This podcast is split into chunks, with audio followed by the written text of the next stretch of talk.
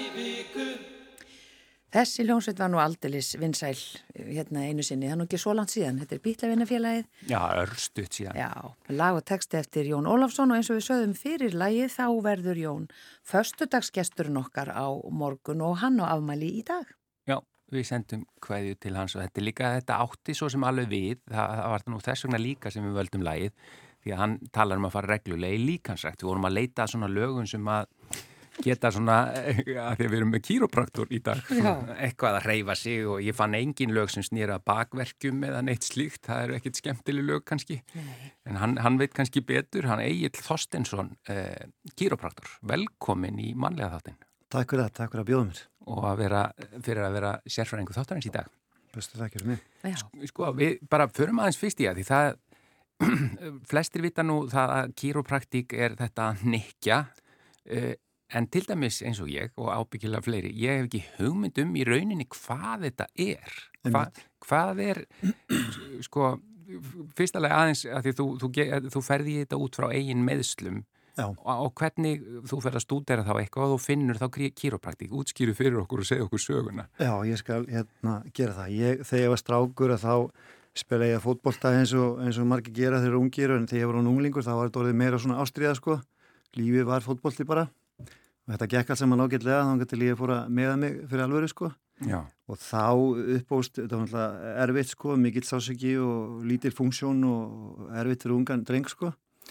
hvar meittur þér smá já. einskott? Þetta var hérna mikill sásöki hérna svona uppi við setbein skulum við segja, Já. öðrum einn og það var lítið hægt að gera, það var bara sásöki alla daga og lítið hægt að gera nokkuð, það var ekki hægt að standa og sitja og liggja og hlaupa og sparka eða nokkuð skapan hlut, þannig að lífið svona, það gránaði tölvöld á þessum tíma sko.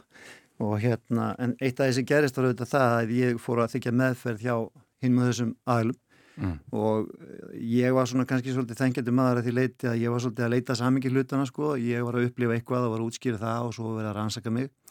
Og svo var eitthvað framkvæmt og ég var þannig gerður að ég reyndi svona áttum á samingi þess þess sem var að og svo þess sem var gert. Hver er Mhm. hugsunni því sem gert er og að því þetta gekk nú fyrir eitthvað ítla að fá batan ég var í mörg ár í bataleit Mm að þá auðvitað hérna, fór ég að svona rannsaka málið alltaf mikið sjálfur og, og, og leita út fyrir hlutina og, og spá bara í hinnar þessar helbisleitir, hvað er þetta fólk að gera?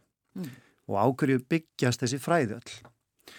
Og það svona leiti með aðeins áfram í þessu, þetta var svolítið frústrandi tími sko, ég var settur í skurðagerðir og, og, og liða meðöndlanir og, og sprautur og, og sjúkraþjálfun og bara allt sem hættir að, að, að láta sér dett í hug, ég fór já, erlendist til lækna og þetta var svona leitin endalösa en þegar að hérna, ég hafði nú farið til kýrubræðs þegar ég var örlítið yngri og hérna vissi að þetta var til en vissi ekki mikið um þetta. Og á þessum tíma var bara einfallega ekkert að heitla mig svona, ég vissi ekkert hvað að gera við lífið og, og það var bara, ég var bara ekki spenntu við nokkuð sköpum hlut Mm. en félagið minn úr kannarskólanum, Bergur Konnarsson, hann skellti sér í kýrubræðik og ég fór auðvitað pestir að hann sko, því það var ekkert til um kýrubræðik á Íslanda á þessum tíma, þannig ég fór að senda hann mentalist bref og, spyrja hann hvað hann verið að gera. Og hann var nú þólimóður í eitthvað tíma og ég held auðvitað áfram að þetta hljóma allt saman ágætlega.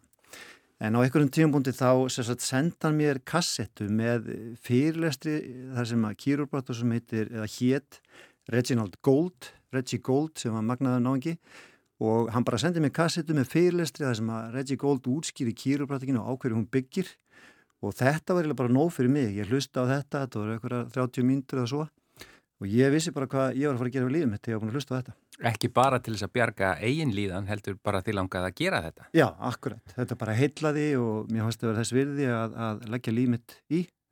En hvernig útskýrði þessi Reggie Gold þetta, Já. veist, hvað, hvað er þetta í rauninni Já, að það er góð spurning sko. Við getum hugsað þannig með þennan stókastlega líkamann sem við eigum að hann raunverulega er alltaf að leitast við að halda jafnvægi og hann raunverulega gerir við sér sjálfur. Og það er eitt af það sem að manni finnst stundum í nútíman og það kannski gleymist aðeins Mhm. að það er þessi, þetta tala um homeostasis sem margir hafa lært um í skóla um? homeostasis, það er, er að segja líka mér alltaf að leita jafnvægis á öllum, öllum, öllum kerfum Já, bara halda heilsu Já. og er stansust alltaf sólaringir umverulega að vinna í því og svo erum við innan mannslingamans með þetta stórkostlega ónæmiskerfi sem er umverulega alltaf að vinna á öllu sem upp kemur og við kannski í nútímanum við erum svolítið duglið við það að leita út á við eftir lausnum mm og við kannski gleymið því svolítið að við eigum en stórkostlega líkam og ef hann funkar svolítið vel þá getur hann átt við eitt og annað. Og kýrópratík tengist þessu beint, getur við sagt. Og það er auðvitað þannig að, að sko, svo, það er áhört líka að ef við sko, skoðum hvað heilsa og það heilsa þýðir, þá er það skilgrind af alþjóða heilbyrjustofnunni sem frábært ástand, andlega líkanlega og félagslega. Mm -hmm. Og svo er sérstaklega tekið fram að heilsa snýst ekki um að vera laus við sjúkdóm og sjúkdómsenginni. Og þetta er svolítið áhugavert. Já. Og ég vissum að ef við myndum hlaup út á gödu og spyrja fólk hvað er það að vera heilbriður, þá myndir flesti segja það er það að líða vel. Já. Það er, fólk er mjög upptekið að velja Já. og það er gott að blessa það og, og enginn er Og vera hraustur.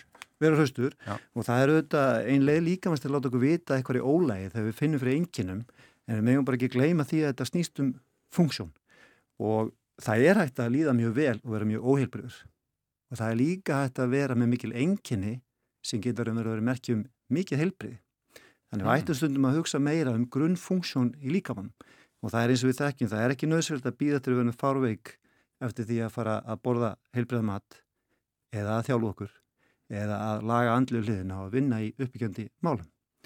En varandi að kýrópraktík það er meira en bara að nikja. Það, það, Já, sko, ég myndi lýsa það þannig að sko, nýkingarnar beinast að skýrt skilgrundum vanda Mhm, og þegar við leiritum hann, þá höfum við mjög vítæk áhrif á heildar heilsun okkur. já. Og þetta er auðvitað þannig að sko, stóðkýru okkar sem er samanstendur af reykjasúlunni og, og, og því sem ber okkur uppi, það sér aðalum þrennt, það heldur uppi þunga líkamans, við reyfum okkur í gegnum liðina sem er inn í kerfinu og svo hýsir stóðkýru töðakerfið og vendar það. Og heilin er svona stjórnsöðu sem að heima inn í, í höfukúpunni, mænan framlengir heilan eh, og hérna á heima innan í þykja súlunni og nær þar niður úr öllu og svo koma tögarættur og framlengja mænuna og koma út á milli þessari hryggjarliða og svo greinast þær út um allan skrokkuna á til vefjana og tögakerfið kannski í grófandráttum sérum þrend. Allt sem við skinnjum, skinnjum við gegnum tögakerfið. Hvort sem það er andlegar tilfinningar eða skinnferð eða hvað sem okkur þetta er í að nefna. Uh, það, það sér líka um svona mótorfunksjón, við ætlum að gera eitthvað með líkamann og eitthvað máta, þá er það tögakerfið sem stjórna því. Já. Og svo er það bara hreinlega stjórnun á öllum líffærum og líffæra kerfum líkamanns. Það er að segja öllum frumum mannslíkamanns er stjórnun af tögakerfinu. Heilin er alltaf að senda stjórnunbóðu niður mænu, út í gegnum tögar, á áfangastað til að láta allar þessar hluti gerast. Svo fær heilin upplýsingar tilbaka. Og það er auðvitað greiðalega mikilvægt að þetta sé ekki trublað eitthvað máta. Og Að boðleiðirnar séu bara akkurat, opnar. bóðleikna sé opnar svo líka með sér stjórnað á eðlan máta. Já, Og það er það sem kýrópati kemur inn, er það sem getur gerst með þessa liði innan líkamann, sko, heilbröðu líður þarf að, sko, sitja rétt á brjóskinu, við tölum myndi út frá reykjalið mm og við viljum ekki að sé skaði í liðnum, við viljum ekki að sé bólgur í liðnum, við viljum ekki að sé pressa á töðakjörinu og við viljum að liðurinn hafi heilbröða reyfingu. Mhm. En það sem getur gerst við njaska í eins og tægi er að liðurinn getur hreinlega mistöðu sína, það verður skaði, fyrst og fremst í brjóski og þá koma bólgunar inn og oftast er það bólgan sem getur svo valdið hreinlega pressu á töðakjörið. Mhm. Og það gleymist stundum í þessu þegar fólk hugsa um töðapressu, þá færða strax að hugsa um sásök ofta tíðum, því þetta lítur að vera svakalega vont og sort. En það eru auðvitað þannig, eins og við erum að tala um á hann, að sko, töðakjörið sér um svo margt og sásöka leini og bóð eru mjög lítið hluti af því. Þannig að við getum verið með sásöka, eða sérst pressu á töðakjörinu sem er að trubla staðsynni töðakjörsis mjög mikið og hafa þar með greiðilega áhrif okkar heilsu til þessi verra en það er ekki þar með að við vitum endilega af því fyrir nú seint og síður. Já. Og kannski aldrei.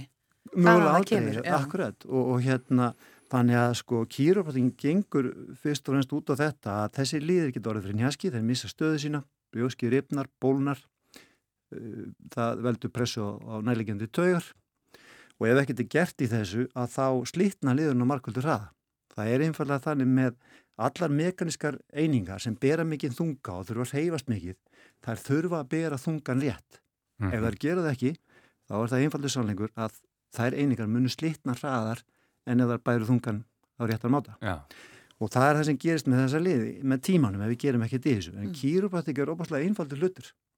Hún gengur einfallega út á það að skoða stóðkerfið, finna þessa liði sem hafa mistöðuna, þar sem brjóskauður yfnað, bólnað, setur pressu nærlengjandi taugar, gengur út á það að greina liðin, finnan, greinan og leir eftir þetta ástand. Og til þess nota kýrupráturinn hendur sínar og hann er umverulega að nota snögt og nákvæmt átak í flestu tilfellum til þess að hjálpa liðinu hreinlega í betri stöðu, þannig að hann berið þungan betur, þá getur hann farið að loka sánum sínum og við erum líka búa til reyfingu inn á lið sem er að reyfa þessu óæðilega lítið, en þess að reyfinga er leið liðanins til þess að flega bólkunni í burtu. Mm. Og þá fáum við bólkunni í burtu, þá erum við líklega til að fá pressuna á töðakerfinu og miklu betur fungerandi lið.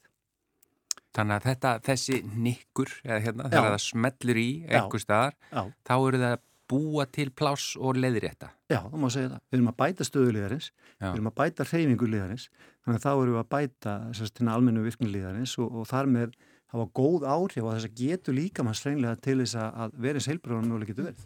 En hvaða liði er við að tala um? Hvar getur kýrópraktor hjálpað? Sko, ég myndi lýsa það þannig að... Já, já. Já, já, já það er hérna... Ég, bara, ég, ég hugsa alltaf um bakið. Já, maður hugsa alltaf strax um hryggin, en er, er það kannski bara í flestum liðum? Já, já. Við hérna, auðvitað uh, snýst kýrópatíki grunninn um einmitt þessar liði sem að fylgja þessar tryggjasúlunni, fyrst og mhm. fremst. En þetta ástand sem við erum að lýsa getur gæst í hvaða lið sem er. Þannig að við erum ofta að vinna með, einmitt eins og þú segir, úliði og olbúaliði og njáliði og öklaliði og það er hansi mikið af liðum í líkamannu sko mhm. og hérna það þarf að finna út af því að geta greint alla þessa liði og hjálpa þeim. Er þetta nikja alla þessa liði? Það er þetta nikja alla þessa liði. Nú náttúrulega kann maður að láta braki putt. Já, ekki gera það. Nei, nei, en hérna... En... Er það hóllt fyrir ekki? Skýt hínu bara inn? Já, sko, ef að liðurinn er heilbjörgur þá þarf ekki þessa reymingu. Já, já. Og ég myndi lýsa því þannig alltaf að þú vilt alltaf vera að hugsa þetta þannig að, að líður sem ekki fara úr skóðum, hann þarf náttúrulega ekki hreyfingu þessu tegi og ef það eitthvað er aðlinu þá er líka svolítið mikið að við séum að fara stýstu leið hreint tilbaka eins, eins hreint og mekanistu og mögulega getum. Já. Þannig að ég myndi láta að vita, láta eiga sig að vera vesast mikið með fingurna. Sko. En hvaðan kemur þetta? Hvaðan kemur þessi, þessi fræði, fræði, þessi kýrópraktík? Sko það eru til upplýsingar um það að alveg í 5-6 þúsund ár til heimildunum það að menn hafa verið að hreyfa til higgjalið til þess að áhrif á heilsu Já. en kýrópratingin sjálf er 125 ára gömul. Og þetta byrjiði allt saman í, í bandaríkunum þar var maður sem hétt Daniel David Palmer. Já. og þetta hóst allt með honum. Hann var að beita hínum um þessum aðferðum en hjálpaði hérna, húsverði í húsinu þar sem hann starfaði mm. mikið.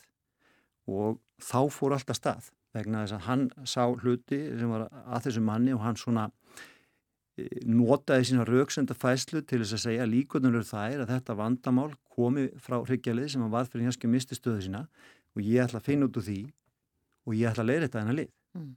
og hann gerði það og það gerði stórkostlega hlutur og úr því var til einmitt þessi heimisbyggi sem við erum að tala um í dag og kýrópáþingin var til.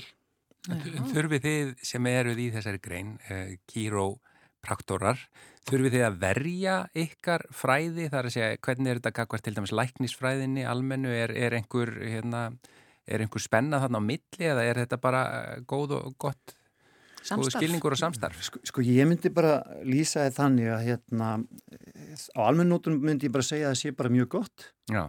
en það eru þetta þannig með þessi fræði. Ég, ég vil stundum útskýrta á þennan veg sko að það er til eitthvað sem við kallum nákvæm vísindi Það eru svona hlutir eins og starfræði og stjórnufræði og eðlisfræði og efnafræði og við vitum öll að 2 plus 2 eru fjórir og við þurfum lítið að rífast um það en ég myndi eiginlega lýsa það þannig að heilbríðsfræði flokkast ekki undir nákvæm fræði, mm -hmm. nákvæm vísindi. Þannig að það er mjög eðlert að menn séu ekki endilega sammala um þau hvernig best að taka á hvernig hlutum eða koma að heilsu Þannig að auðvitað fólk að takast á um þessar hlutu og ekki endilega bara læknur og kýrbátur heldur bara innan, menn, fólk innan, innan sumu stjættar og millja alls konar stjættar en, en það er auðvitað bara mikið þetta, og ég virði það, ég, ég virði bara það að fólk hefur ólíka skoðunir og ólíkum hlutum og, en best er alltaf að fólk tali saman mm. og maður tekur neftir því að þegar fólk tala saman það áttar þessum yfirlt á því að það er á svipari leið sko.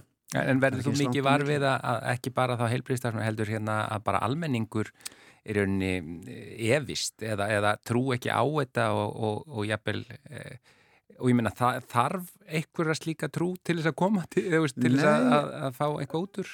Nei, alls ekki. Ég myndi eiginlega að segja að allt þetta hafi bristilins betra á síðustu árum, alveg greiðarlega mikið.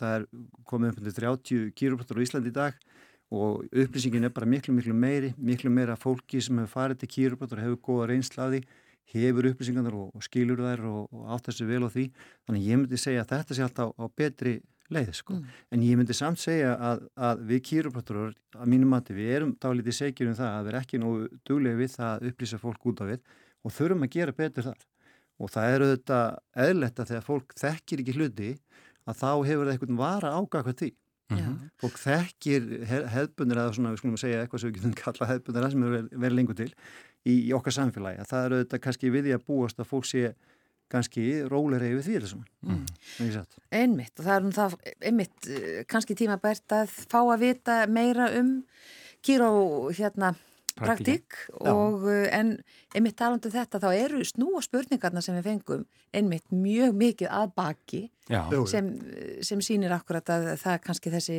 mynd sem við höfum en það er svo miklu miklu meira. Þannig að þetta er nú kærkomið tækifæri til þess að svona varpa ljósi á, á þetta fag. En um, við skulum byrja á því að fá eins og eitt lag áður en við snúum okkur að spurningunum. Já, við, það er Olivia Newton-John og þetta á ágætla við að ég, ég var bara að hugsa um eitthvað að reyfa sig og eitthvað svona, þannig að þetta er fysikal með Olivia Newton-John, svo heldum við áfram með Egil Þorstensson, kýropraktor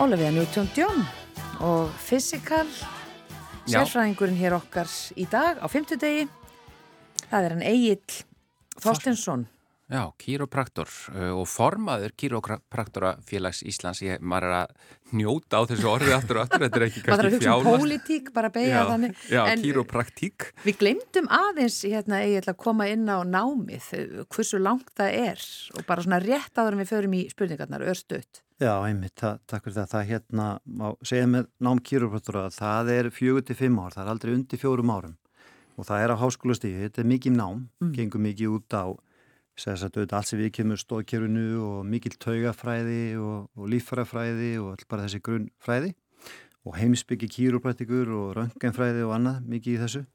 Mikið nám, rosalega skemmtilegt. Og svo er það líka þannig að við kýrubrátur við fáum okkar starfsleifi frá landlækni og erum bara með fína stöð á Íslandi. Okkar þjónusta er ekki tilvísinaskild þannig að það þarf ekki að leita læknis áður en maður kemur að hitta kýrubrátur sem er mikil styrkur og mjög gott En svo, hvað þá upp, eins og upp á kostnað og annað, er, hérna, er þetta niðugreitt á einhverju leiti? Ekki af sjúkartryggingum Íslands, það er engi samningar þarna milli og þeir hafa ekki leitað til okkar og við ekki til þeirra raunverulega, en það er má meira að segja að sko, virk tekur þátt í okkar þjónustu og mikið að stjættafjölum líka. Já. Og, og er það ekki þannig að í fyrsta skipti sem maður kemur til kýrópraktos þá er það uh, dýrara en svo eru næstu heimsóknir ódýrar ekki satt? Jú, það, það er auðvitað þannig í fyrstu heimsóknu, þá hefur maður aldrei séð viðkomandi fyrr og, og það feð mikil tími í upplýsinguöflun mm -hmm. og það þarf að tala mikið saman og prófa eitt og annað og ef þörfur á þá tökum við myndir, röngamindir mm -hmm. sem er upplýsingu gríðilega mikið um stókirfið og svo er farið við það allt saman í mikil í nákvæmni og við komum til að skoða vel og auðvitað hérna byrjaða meðferð. Þannig að það er mikil tími sem ég, við erum einn og hálfa klukkutíma Já. sem við notum í fyrstu heimsókn og, já, já. og eru, þá erum við búin að fara í gegnum mi mikla upplýsingaöflun og svo eru tíminni stýttir eftir það.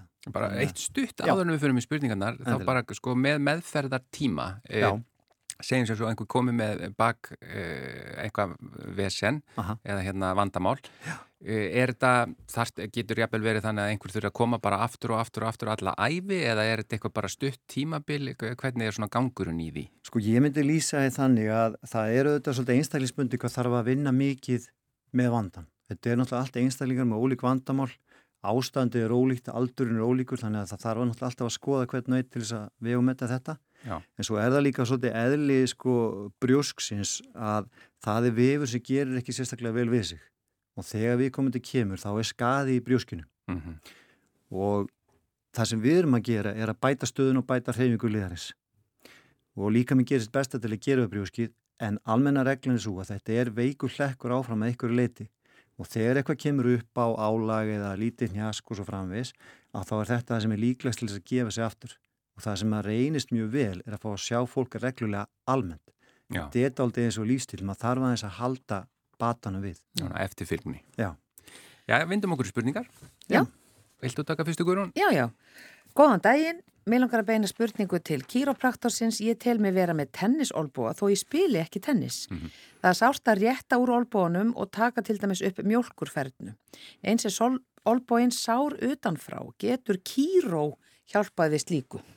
Ja, þetta er skemmtileg spurninga því að það svo margir sem tengja kýrópraktikið mynd bara við hryggjarsúluna. Það er þannig ef við gefum okkur augnablík að, að vandin sé við olbóan þá eru tveir liðir við olbóan annar er einmitt innantil og hinn utantil og þessi innantil hann heitir hérna Ölnar og hinn heitir Radius og það hljóma svolítið svo Radius sem sé vanda þarna hjá þessum aðalega sem er að spyrja og báður þessi líður geta mist stöðu sinna rétti sem vorum að tala um á hann Og er og, það það sem að gerist að því að Tellir Solbói er svolítið útbreytur eða, algengur? Já, já, og njask er, er, getur alltaf verið sko mikil og erfið nótgum fyrir liðin. Er við að vond beiting í langan tíma. Já. en það sama gerist, þetta missir stöðu sína og að því hann er að tala um að það er sárt að rétta úr olbónum það sem hann mm. gerir þegar hann réttur úr olbónum er að hann þrengir, hann lokar á liðin mm -hmm. og hann þrengir að bólna brjóskinu.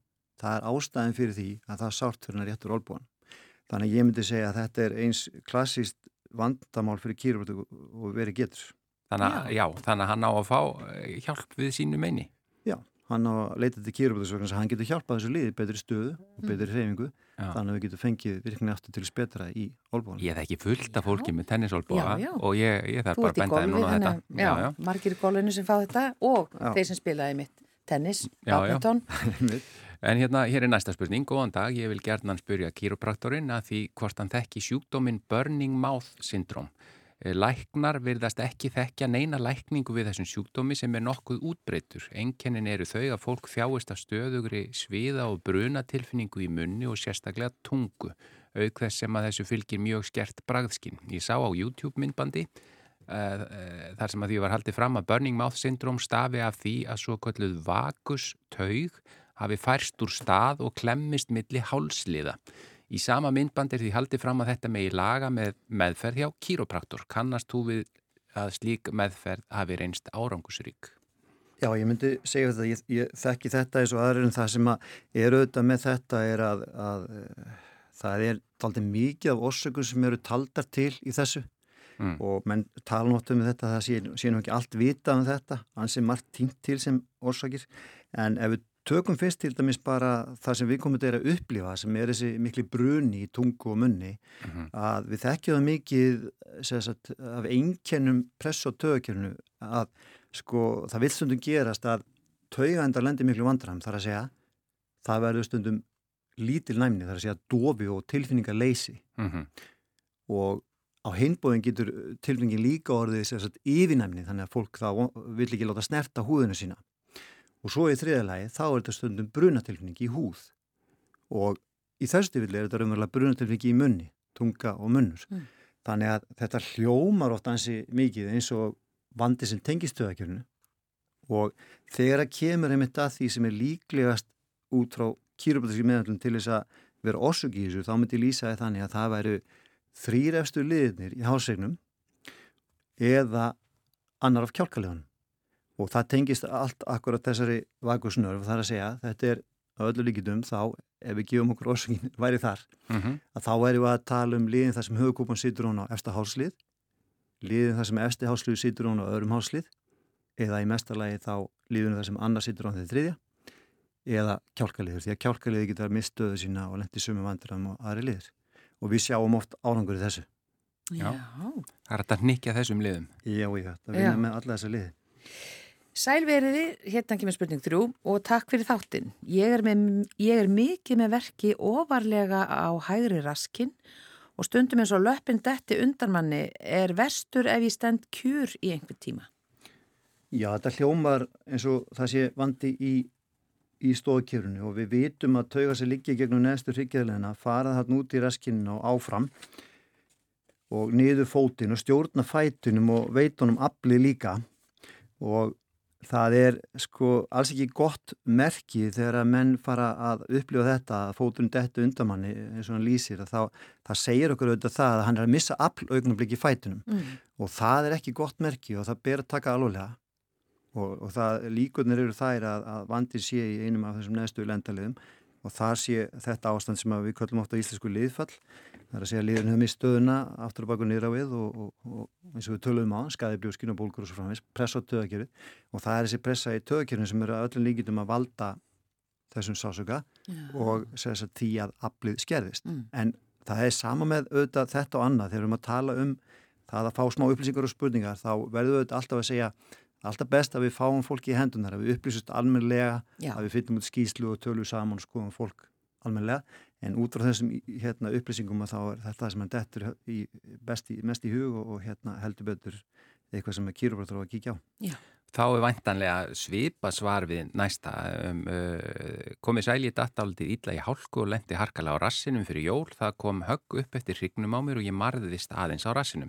Þegar Mari var lungu farið þá finn ég ennþá til í mjórhrygnum eiginlega alveg stöðugur seyðingur, ekki svakasárt en stöðugur seyðingur og stundum er verkurinn alveg upp í nakka og þessir verkir voru ekki áður en ég dætt í hálkunni. Mér hefur verið bent á að kannski þýrti ég að fara til kýropraktos sem ég hef aldrei áður gert Finnst þér þetta hljóma eins og eitthvað sem þú geti hjálpað með að laga? Já, þarna erum við náttúrulega að sjá mann sem hefur orðið fyrir alvöru mekanísku njaski, dotti ítla og það er tölur tími sem hefur leiðin og lítill bati mm -hmm. og þarna verkur á stóru svæði í þykjasúlunni og, og þetta er alveg svo, eins og þú sagði Gunnar að, að þetta er alla líkur á því að þetta sé vandi í stókjörunu og þá hann heldur betur heima hjá kýruflótar, ekki spurning. Já. Já. Uh, hæ, hæ. Ég vakna yðurlega með mjög stífan nakka, ég hef prófað ótal kotta, allar stærðir og stífleika en enginn þeirra hefur komið í veg fyrir að ég vakna með þennan stífleika í nakkanum. Er þetta eitthvað sem ég ætti að kíkja til kýropraktors út af? Já, sko þegar það er stífni í hálsunum, þar að segja reyfi getur en minguð, að þá eru nokkrar orsakir í því og við vorum nú að tala um þetta áðan, við skulum lýsa það þannig fyrst að það eru liðin sem sjá um reyfinguna. Þannig að reyfingin er minguð þá eigum við að horfa til liðana og sko ef að liður missi stöðuna þá eigum við vonað því að reyfi geta mingi bara vegna þess að það situr ekki svona á að gera. Mm -hmm.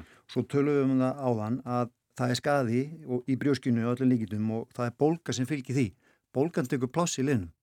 Þannig að bólkan mun minga reyfi getuna líka. Svo verður ótt örfesmyndun og samgróningar í brjóskinu sem er raunverulega viðgera við líkamann sem er að reyna að gera við þessi hérna, hennar skada eftir bestu getu og þessi viðgera viður er mjög grófur og óþjáll viður og hann reyfist mjög illa þannig að hann eigur ennþá á mingaðar reyfigetur í liðnum mm. og svo geta komið fleiri hlutir til eins og bara hérna, vöða spenna og ímislegt sem að svona, veldur líka og kannski komið slít í liðin og allt þetta mm. en aftur við erum að tala um lýsingar það sem að, það sem að við sjáum að virknin sem liðinni að sjáum er skert og þá er um að gera að koma til kýrabótus og sjá hvað þetta er að gera. Þannig að þetta er ekki endilega kottin heldur fyrst og fremst Nei, akkurat, akkurat Já. og þetta allt sem hún er að nefna og það sem ég er að nefna hér mm. eru allt hluti sem fylgja þessi sem við erum að tala um á hann þessu ástandi sem við erum að kalla liðfall í dag að hérna að þá finnst manni bara svo kott að allir kotta séu ómögulegir Já, þetta akkurat. var svo sem ágætti spurning eru margir sem tengja við þetta með kottan sko. Já, Já leitin að fullkomna kottanum. Já. En eh, hér er spurning, áhugaverð, ég er rúmlega 50, hef aldrei verið slæmur í baki en einu ráði, fyrir utan kannski að fengi svona tak í baki um það byrj fjórum til fimm sinnum á æfinni, yfirleitt eftir mikið álag og það hefur batnað nokkuð fljótt. En núna finnst mér líka minn vera að slappa staðins með aldrinum, maður reyfis ekki jafn mikið og mjög finnst erfiðar að halda mér í mjög góðu formi. Því veldi ég fyrir mér hvort að það sé gott að fara til kýropraktors þrátt fyrir að ég sé ekki að glýma við erfið bakvandamál. Það er að segja geta nikklækningar virkað eins og fyrirbyggjandi þegar kemur að bakvandamálum. Ég myndi, ég myndi, ég myndi segja um þetta að þarna hefur viðkomandi sögum það að verða að fá tak í bakið fjórum til finsunum á æfinni sem að ég er að nót til þess að segja okkur það að það er ekki allt með feldu í stókjörnum og aftur eins og vorum að tala um áðan að við eigum ekki að hugsa þetta bara út frá einnkjörnum í dag. Við Já. eigum að hugsa þetta út frá, ein, út frá virkni og heilsu til framtíðar. Þannig að það er svona myndi ég að segja að það væri góð hugmynd fyrir hann að, að láta skoða þetta. Koma til kýrubrótus og, og, og, og sjá hvað er á ferðinni.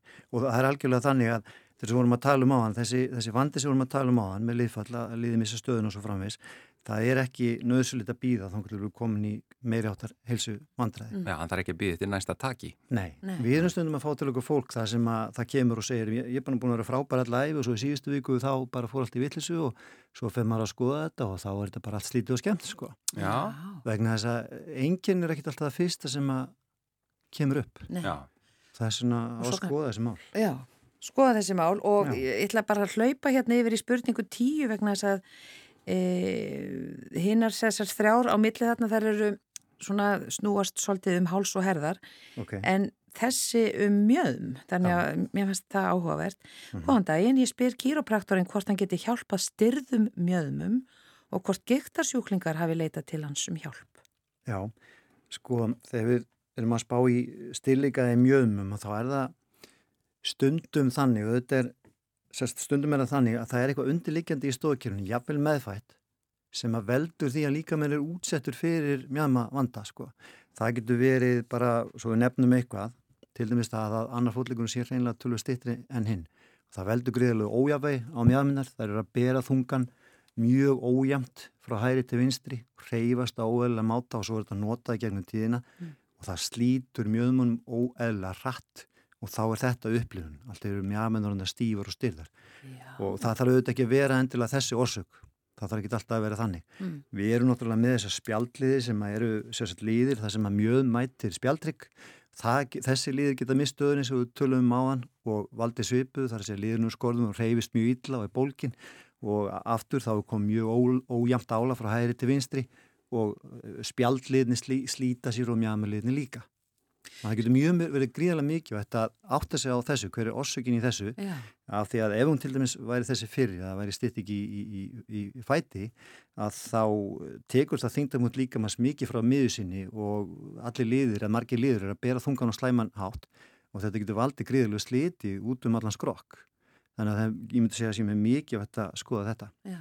Sjáu þið hvort að, eða mæli þið hvort annar fóturinn er stittri? Já, við tökum, e, e, þegar áþráð að halda, þá tökum við röngamindir og myndina sem við tökum eru teknar í standinni stöðu þannig að hryggjasólun er undir fullu álæg og við sjáum allar hryggjasóluna annars vegar frá hlið og svo aftan á hana og þá sjáum við þetta og þetta er allt stafrænt í dag og, og, og það er bara reynilega tölvukerfi sem mælir þetta út fyrir okkur fáum greiðilega nákvæmum mælingu upp á, já, upp á nákvæmni sem er meiri, upp á meira millimetra.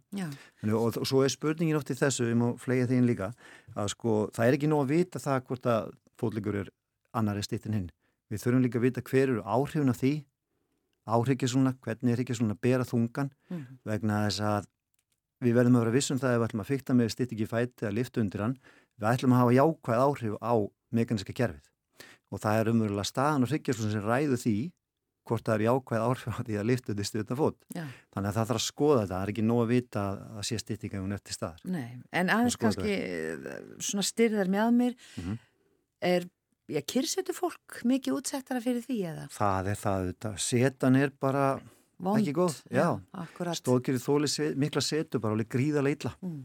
Já, við erum nú fjallar hreinlega um já. þetta hérna áður sko, við fengum hérna uh, Jósef uh, Baksérfræðing, hann hérna kom hérna og það var, hann bara sagði bara stólar eru ættilug en Egil Þorstinsson þakka þér kærlega fyrir að vera sérfræðingur vikunar í manlega þættinu þetta verið mjög fróðlegt mm. að fræðast um eh, þín fræði, það er þess að kýropraktík Náum við ekki einni með axlir og háls? Jú, gerum það bara Okay. Alveg endilega. Að því ég var búin að segja það. Já.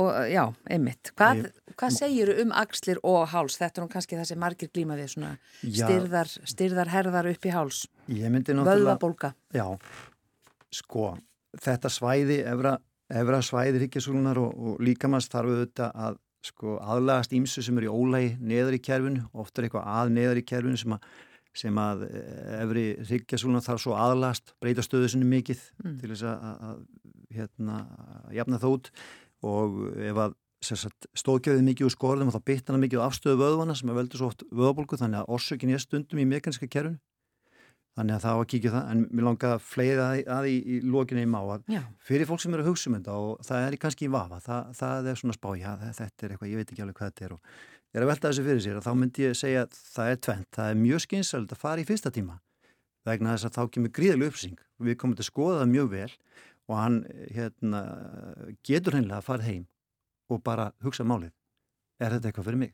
Já, það þarf við, ekki að halda áfram ef mann vilji. Akkurat, en hann verður gríðilega vel upplýstur eftir fyrsta tíma. Svo erum við, við sagt, erum með hérna, stofu okkar kýróprateknir og lögu í 163 og reglulega erum við þar með fræðslu og það er allir velkonir. Það þarf bara að ringja og skrá sig og koma og upplýsast. Mm. Því að við förum yfir þessa hluti í miklu meiri smáðatunum en við gerum hérna með ykkur í dag Já. og það er auðvitað allir velkunum. Bara ringi ykkur og koma og fá fræsluna. Já, bara svona kynningafundur. Vi, við erum hérna nýbúin að fá til okkar hérna kýrvartur til að vinna með okkur eða manneski sem að útskrifast frá Englandi sem kýrvartur og starfaði þar. Aldís Byrkistóttir, frábær kona og viðbót við það sem við erum að gera niður frá.